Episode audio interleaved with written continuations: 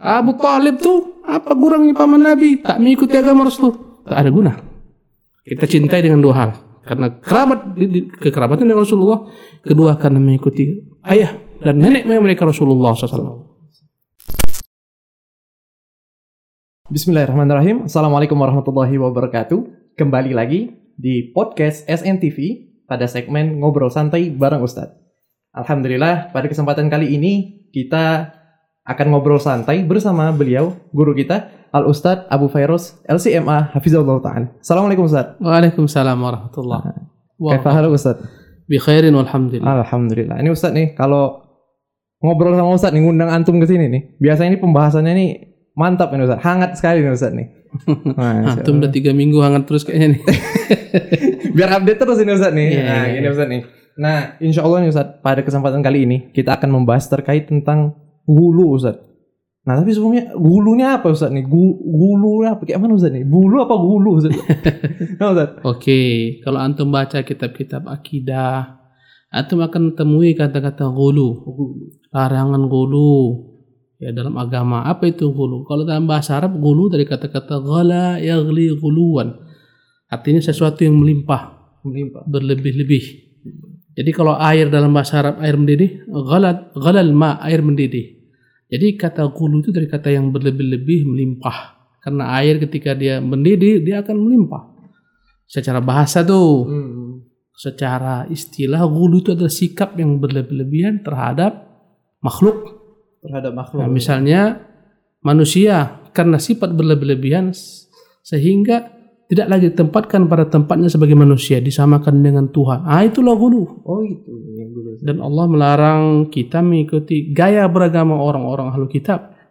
Orang ahlu kitab itu sifatnya gulu kata Allah ya ahlul kitabi la taqlu fi dinikum wahai orang-orang ahlu kitab jangan berlebihan dalam beragama kalian. Di mana letak berlebihan mereka? Tatkala mereka mengangkat Isa bin Maryam sebagai anak Tuhan. Ya, maka kata Nabi SAW, La tatruni kama atatit nasara Isa bin Maryam. Kalian tuh jangan gulu mengkultuskan saya. Sebagaimana orang-orang Nasara mengkultuskan Isa bin Maryam. Innama ana abdullah wa rasul. Aku ini hanyalah hamba Allah dan Rasulnya. Nah, gulu ini fatal dampaknya. Antum tahu sejarah kesyirikan itu bermula bagaimana? Gimana Ustaz? Ini dari sebab gulu ini. Gulu Ustaz ya? Iya, disebutkan dalam uh, yakni riwayat salah seorang sahabat, ya Ibnu Mas'ud menceritakan bagaimana asal muasal Ibnu Abbas menceritakan bagaimana asal muasal kesyirikan. Pada zaman Nabi Nuh itu ada lima orang saleh namanya Wad, Suwa, Yaguth, Ya'uq, Nasr. Ini orang yang paling saleh pada zaman Nabi Nuh. Mereka wafat tinggal dalam satu tahun satu tahun mereka wafat bareng bersama. Maksudnya dalam satu tahun mereka wafat berdekatan.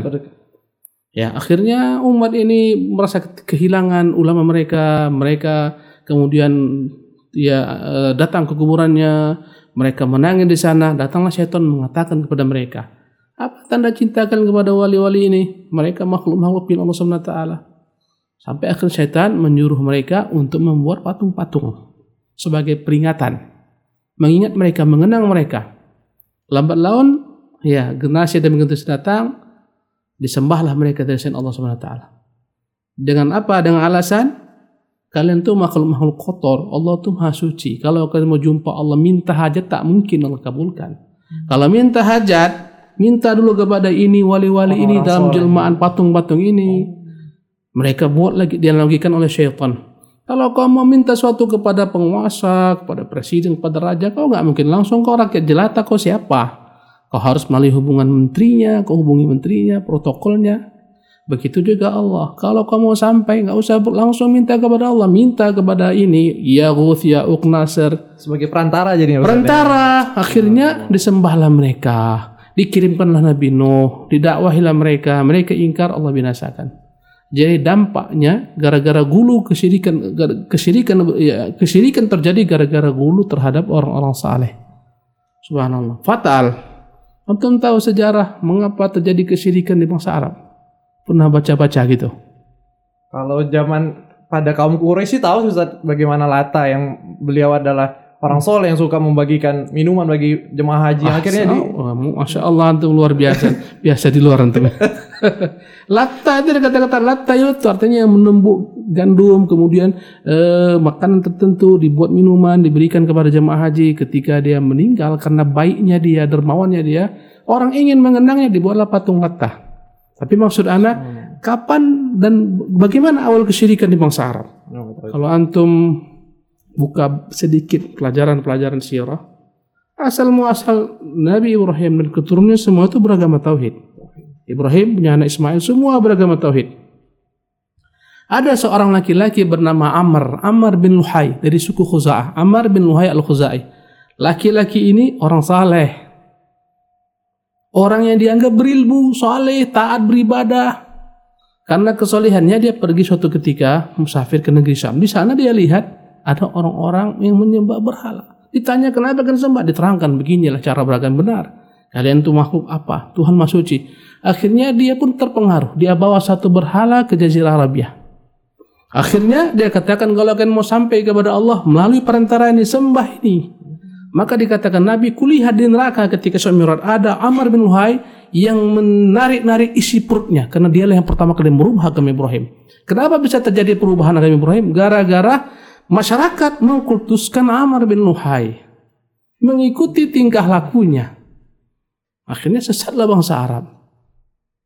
Itulah dampak daripada hulu. Nah, bahaya. Nah Ustaz ini bagaimana, bagaimana Ustaz ini kasusnya? Itu kan zaman dulu. Sebentar, sebentar. Anda minum dulu Oh, lah. tafadhol, Ustaz. Ya. Hmm.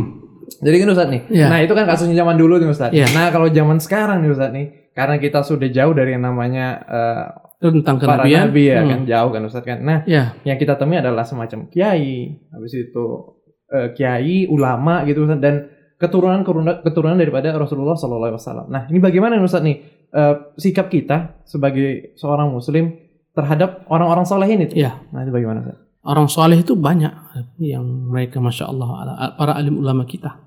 Namanya macam-macam, bisa namanya kiai, namanya ajengan, bisa namanya pak ustadz, tuan guru, cikgu, syekh. Ini orang-orang saleh, orang berilmu. Bagaimana sikap kita menghadapi mereka ini? Ada tiga sikap manusia. Dua salah, satu benar. Saya sebutkan sikap yang salah. Yang pertama sikap yang berlebihan dalam memuliakan mereka, menghormati mereka, tanpa terasa akhirnya mempertuhankan mereka. Eh, dari mana mempertuhankan mereka? Dari tadi yang saya sebutkan kisahnya. Ya, dalam Islam kita disuruh untuk mencintai orang saleh, menghormati mereka, muliakan mereka, apalagi keturunan Nabi Shallallahu Alaihi Wasallam. Wajib kita senantiasa mencintai keturunan Nabi, bahkan tak soal kita kecuali berselawat dengan Nabi dan keluarganya. Allahumma sholli ala Muhammad wa ala ali Muhammad. Keluarga Muhammad yang benci keturunan Nabi habis binasa. Subhanallah. Tetapi ya dalam menghormati mereka para ulama, apakah gelarnya? Apakah gelarnya Habib, apa gelarnya Sayyid, Syarif? Kita hormati mereka, kita muliakan mereka, kita ikuti mereka dalam kebaikan, dalam kebenaran dengan tetap menempatkan posisi mereka se- sebagaimana yang Allah tempatkan. Mereka itu makhluk yang tak boleh diangkat sama dengan Tuhan. Tak boleh kita dalam agama kita ini mengkultuskan mereka secara berlebihan. Jangankan para ulama, para ustadz, para habib, para syarif, Nabi Wasallam saja marah ketika sahabat mengeluhkannya. Nabi tak mau. Ketika mereka kata, Anta sayyiduna, ya Rasulullah engkau lah Tuhan kami yang engkau lah. Banyak pujian mereka kata Nabi, jangan katakan demikian. Panggil saja saya Abdullah wa Rasuluh. Itu Nabi Ustaz. ya? Nabi SAW.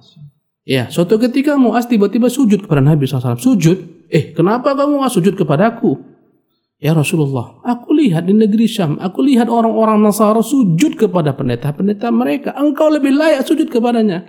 Engkau lebih layak kami sujud kepadamu. Eh, kata Nabi SAW, Hai Muaz, kalaulah boleh orang sujud kepada orang lain, akan kuperintahkan perempuan istri sujud kepada suaminya. Karena besarnya kedudukan suaminya. Jadi jangan sampai karena cinta kita kepada seorang alim ulama, orang saleh kita kultuskan sujud di hadapannya, ruku kepadanya, tak bisa. Wah, subhanallah. Nabi sendiri tak mau. Dilulukan sahabat berlebihan. Ketika Nabi SAW datang, para sahabat berdiri menyambut Nabi ber, berbondong-bondong menundukkan Nabi. Kata Nabi SAW, La tatruni kama atratin nasara Isa bin Maryam. Jangan kalian mengkutuskan aku sebagaimana orang Nasara mengkutuskan Isa ibnu Maryam. Jadi sifat sikap yang pertama berlebihan dalam memuliakan para alim ulama. Yang salah. Apa apa sikap tersebut? Misalnya sudah mati, datang ke kuburnya, minta ke, kepada dia pada telah wafat, mengusap-ngusap kuburnya, mencari keberkahan pada kuburnya. Ketika hidup sibuk mengambil berkahnya. Ya, ahlu sunnah wal jamaah itu mengajarkan kepada kita yang boleh diambil berkah daripada dirinya, tubuhnya adalah Nabi semata. Ya, karena itulah tak heran ketika para sahabat melihat Nabi mencukur rambutnya, mereka berebut mengambil rambut Nabi. Sebagaimana Abu Talha menyimpan rambut Nabi. Kemudian Ummu Sulaim, ya ketika Rasulullah SAW istirahat, kemudian Rasulullah berkeringat, disekanya keringat Rasul, dia simpan itu untuk Rasulullah khusus. Khusus ya. Bertabarruk hanya dengan Rasulullah SAW. Walaupun Azbang mengatakan boleh bertabarruk dengan Rasulullah, dalilnya mana? Tak ada. Tak ada yang pernah kita dengarkan bertabaruk mengambil berkah daripada Abu Bakar Siddiq, daripada Umar, daripada Uthman. Tak ada. Jadi sikap ini sikap berlebihan. Ya, jadi yang pertama berlebihan. Meminta kepada mereka setelah mereka meninggal. Kadang-kadang meminta kepada mereka, mereka tak tahu. Ya, misalnya Abdul Qadir Jalani yang banyak dikutuskan manusia. Dalam ketika datang ke petaka bencana, banjir, wah ya Abdul Qadir Jalani, contohnya. Ini tak bisa. Sudah mati, tak bisa. Masih hidup pun dia tak bisa. Kalau anda kata dia tak mendengar. Misalnya antum punya guru, si fulan. Antum dalam musibah, guruku fulan. Tak boleh. Minta kepada Allah SWT. Iya karena abud wa karena stain. Ini sikap pertama yang salah. Ini berlebihan. Mengambil berkah daripada mereka. Subhanallah ya. Ruku-ruku kepada mereka. Sujud kepada mereka. Ini dilarang. Kalau anda kata dia minum, wah, berebut bekas minumnya. Dilarang. Berebut cium tangannya. Berebut ikut dengan dia. Subhanallah. Ada sahabat Nabi SAW, Ibnu Mas'ud, dia berjalan nih. Ketika dia jalan, ramai ketika itu orang senang bersamanya, murid-muridnya pun ikut di belakangnya. Kata Ibnu Mas'ud, eh ada apa kan ikut saya nih? Jangan ikut-ikut saya. Fa'innahu fitmatun fitnatun litabi wa madillatun lil matbu. Jangan saya kalian menjadikan jangan kalian ikut saya menjadi fitnah bagi saya. Bubar kalian, ada hajat saya penuhi, jangan ikut-ikut saya. Ini adalah merupakan fitnah untuk saya. Dan ini adalah merupakan uh, kehinaan untuk kalian. Dan sebagian para tabiin kalau mereka karena populernya mereka kalau berjalan dicari jalan-jalan yang tak dilihat orang. Kenapa? Ingin tak ingin dia itu dikutuskan orang, dipuji orang. Ya, begitulah sikap mereka. Jadi ini sikap yang pertama yang berlebihan. Sikap yang kedua yang sebaliknya meremehkan ulama, merendahkan ulama, tak memuliakan mereka. Ini parah nih. Ulama mereka adalah merupakan penerus para nabi, membawa cahaya agama, kita muliakan mereka, dihinakan, ini bahaya. Yang tiga inilah yang benar sikap al-sunnah. Secara proporsional, kita ikuti kebaikan mereka, dengarkan ilmu mereka, ambil fatwa mereka. Ketika mereka tergelincir khilaf salah dalam perkara tertentu karena mereka tidak maksum, kita tidak ikuti mereka, kita doakan mereka agar Allah merahmati mereka, ya. Dan kita tidak pernah mengangkat mereka lebih daripada derajat mereka sebagai manusia. Ini sikap yang benar. Oke. Okay. Ada porsinya gitu, Ustaz. Iya, ahlu sunnah tuh seperti itu. Nah, kalau kalau ini Ustaz, kebanyakan orang nih zaman sekarang nih Ustaz. Hmm. Mereka melakukan, mereka mempercayai Ustaz dengan adanya seorang ulama, seorang alim, orang soleh, mereka itu boleh bertabar tabaruk tadi Ustaz. Padahal sudah antum jelaskan tidak boleh. Nah, iya.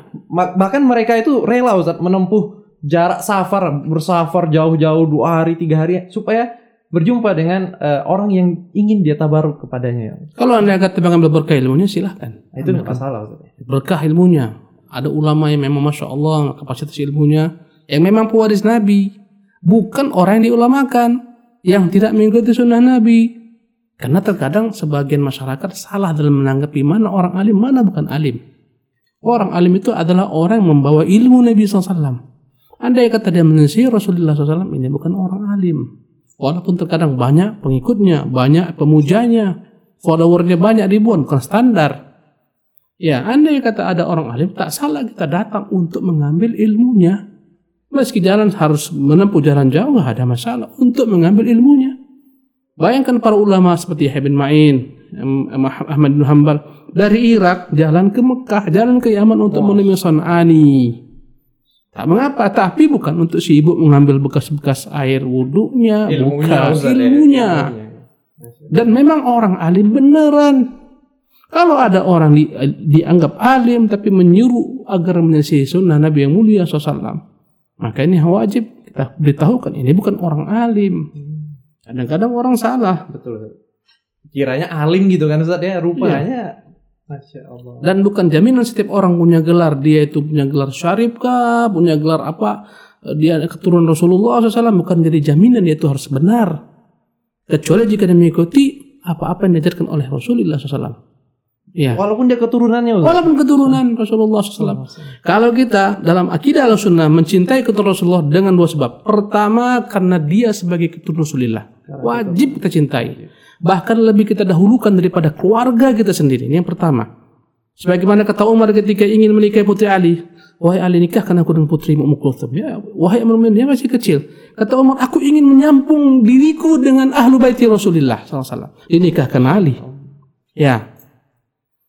Ya, jadi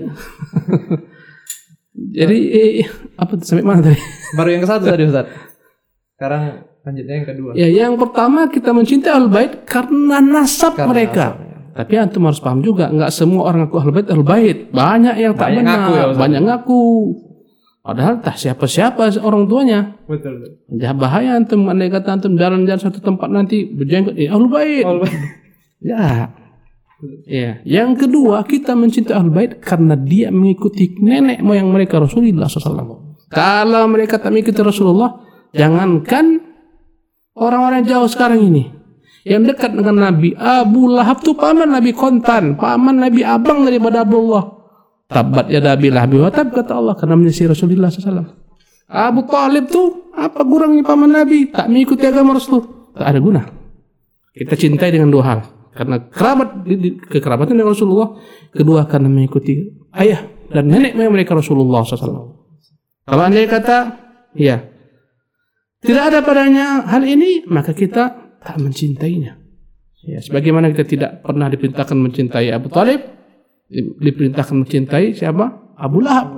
Padahal mereka jelas-jelas nasab dari Rasulullah Sallallahu Wasallam. Nah, capek anak mungkin dah. Masya Allah. Nah, Ustaz, eh, mungkin dari situ kita cukupkan saja nih percakapan kita kali ini. Iyalah, cukup lah udah. Semoga lah kita nih. banyak nih Ustaz memetik eh, apa namanya ilmu-ilmu dari apa yang antum sampaikan. Nah, untuk Iya. pemirsa sekalian, ini Anda mau sampaikan ini ke. Silakan. Nah, ayo ikuti terus nih updatean terbaru kita, tayangan kita dengan cara mensubscribe eh, akun channel YouTube kita di Sabilun Najah Televisi atau bisa melalui audio kami di SoundCloud dan juga di Spotify.